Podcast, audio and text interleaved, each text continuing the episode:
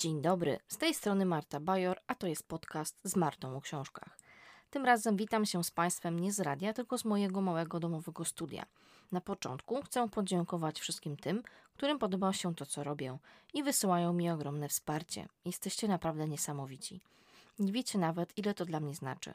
Kiedy czytam wiadomości od Was, że lubicie słuchać tych audycji i chcielibyście więcej, to znaczy, że to, co robię, ma ogromny sens i napędza mnie do dalszej pracy. Stąd stworzenie własnego miejsca do nagrywania podcastów. Tak więc dzisiaj mój domowy debiut. I taki protip dla tych, którzy nie lubią słuchać. Tekst opinii o książce, o której za chwilę Wam opowiem, znajdziecie u mnie na blogu. Niebawem, a konkretnie 30 czerwca, pojawi się na rynku najnowsza książka Magdaleny Kordel Zanim wyznasz mi miłość. Chyba każdy z nas ma takiego ulubionego autora, którego książki go dogłębnie wzruszają. Tak naprawdę to mam kilka takich autorek, których książki sprawiają, że w moich oczach pojawiają się łzy. Najnowsza powieść Magdy właśnie taka jest i nie da się jej czytać bez opakowania chusteczek. Co róż będzie wzrusz. Tak, ten kiepski rym jest jak najbardziej zaplanowany. Po książki Magdaleny zawsze sięgam z ogromną przyjemnością, bo wiem, że to będzie uczta literacka. Uczta, która gdy się skończy sprawi, że zrobi się pusto i smutno, że to koniec. Na szczęście okazuje się, że ta uczta nie jest jeszcze zakończona, ponieważ zanim wyznasz mi miłość, to pierwszy tom, a jego kontynuacja pojawi się niebawem. I to jest fantastyczna wiadomość. Za każdym razem zżywam się z bohaterami powieści Magdy, kibicuję im i trzymam kciuki za sukcesy, martwię, gdy przeżywają kryzysy. No i tak było i tym razem.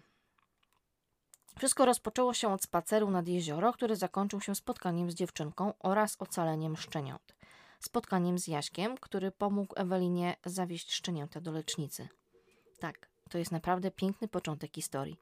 Ewelina wychowywała się bez rodziców, jednak w domu pełnym miłości. Miłości, którą otrzymała od swojej kochanej babci Adeli oraz jej towarzyszki Muszki. A powiem wam, że obie starsze panie to takie gagatki, że pokochacie je od razu. Ja pokochałam miłością ogromną.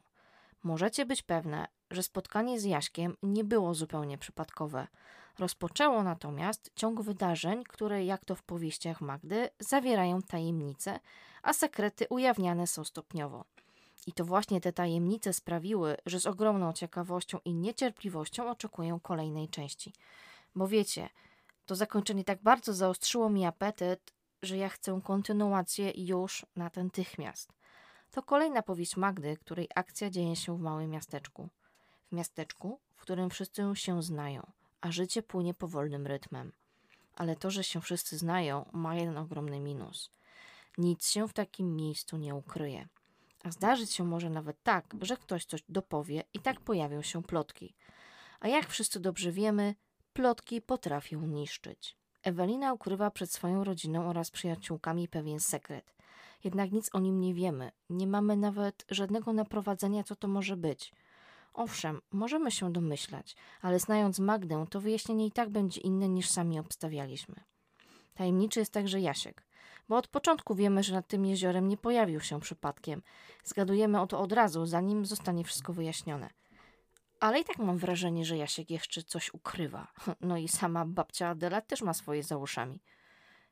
Tajemnica z przeszłości pewnego dnia puka do drzwi.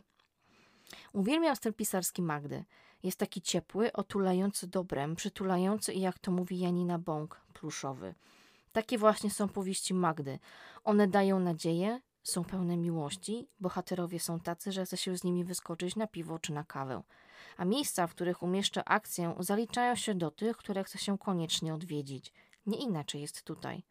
Każdy chciałby, by ich zwierzakiem zaopiekowała się weterynarz Masza, żeby muszka upiekła najlepsze ciasto drożdżowe, a babcia Adela wsparła dobrym słowem. Musimy pamiętać, że rodzina i przyjaciele są nam w życiu bardzo potrzebni. Magdo, twoje książki niosą dobro, miłość, szczęście, nadzieję, ciepło, wsparcie dla słabszych. Myślę, że w tych bohaterach odzwierciedlasz siebie. A wam, kochani słuchacze, Polecam tę książkę podobnie jak wszystkie inne, które już są wydane i te, które dopiero się pojawią.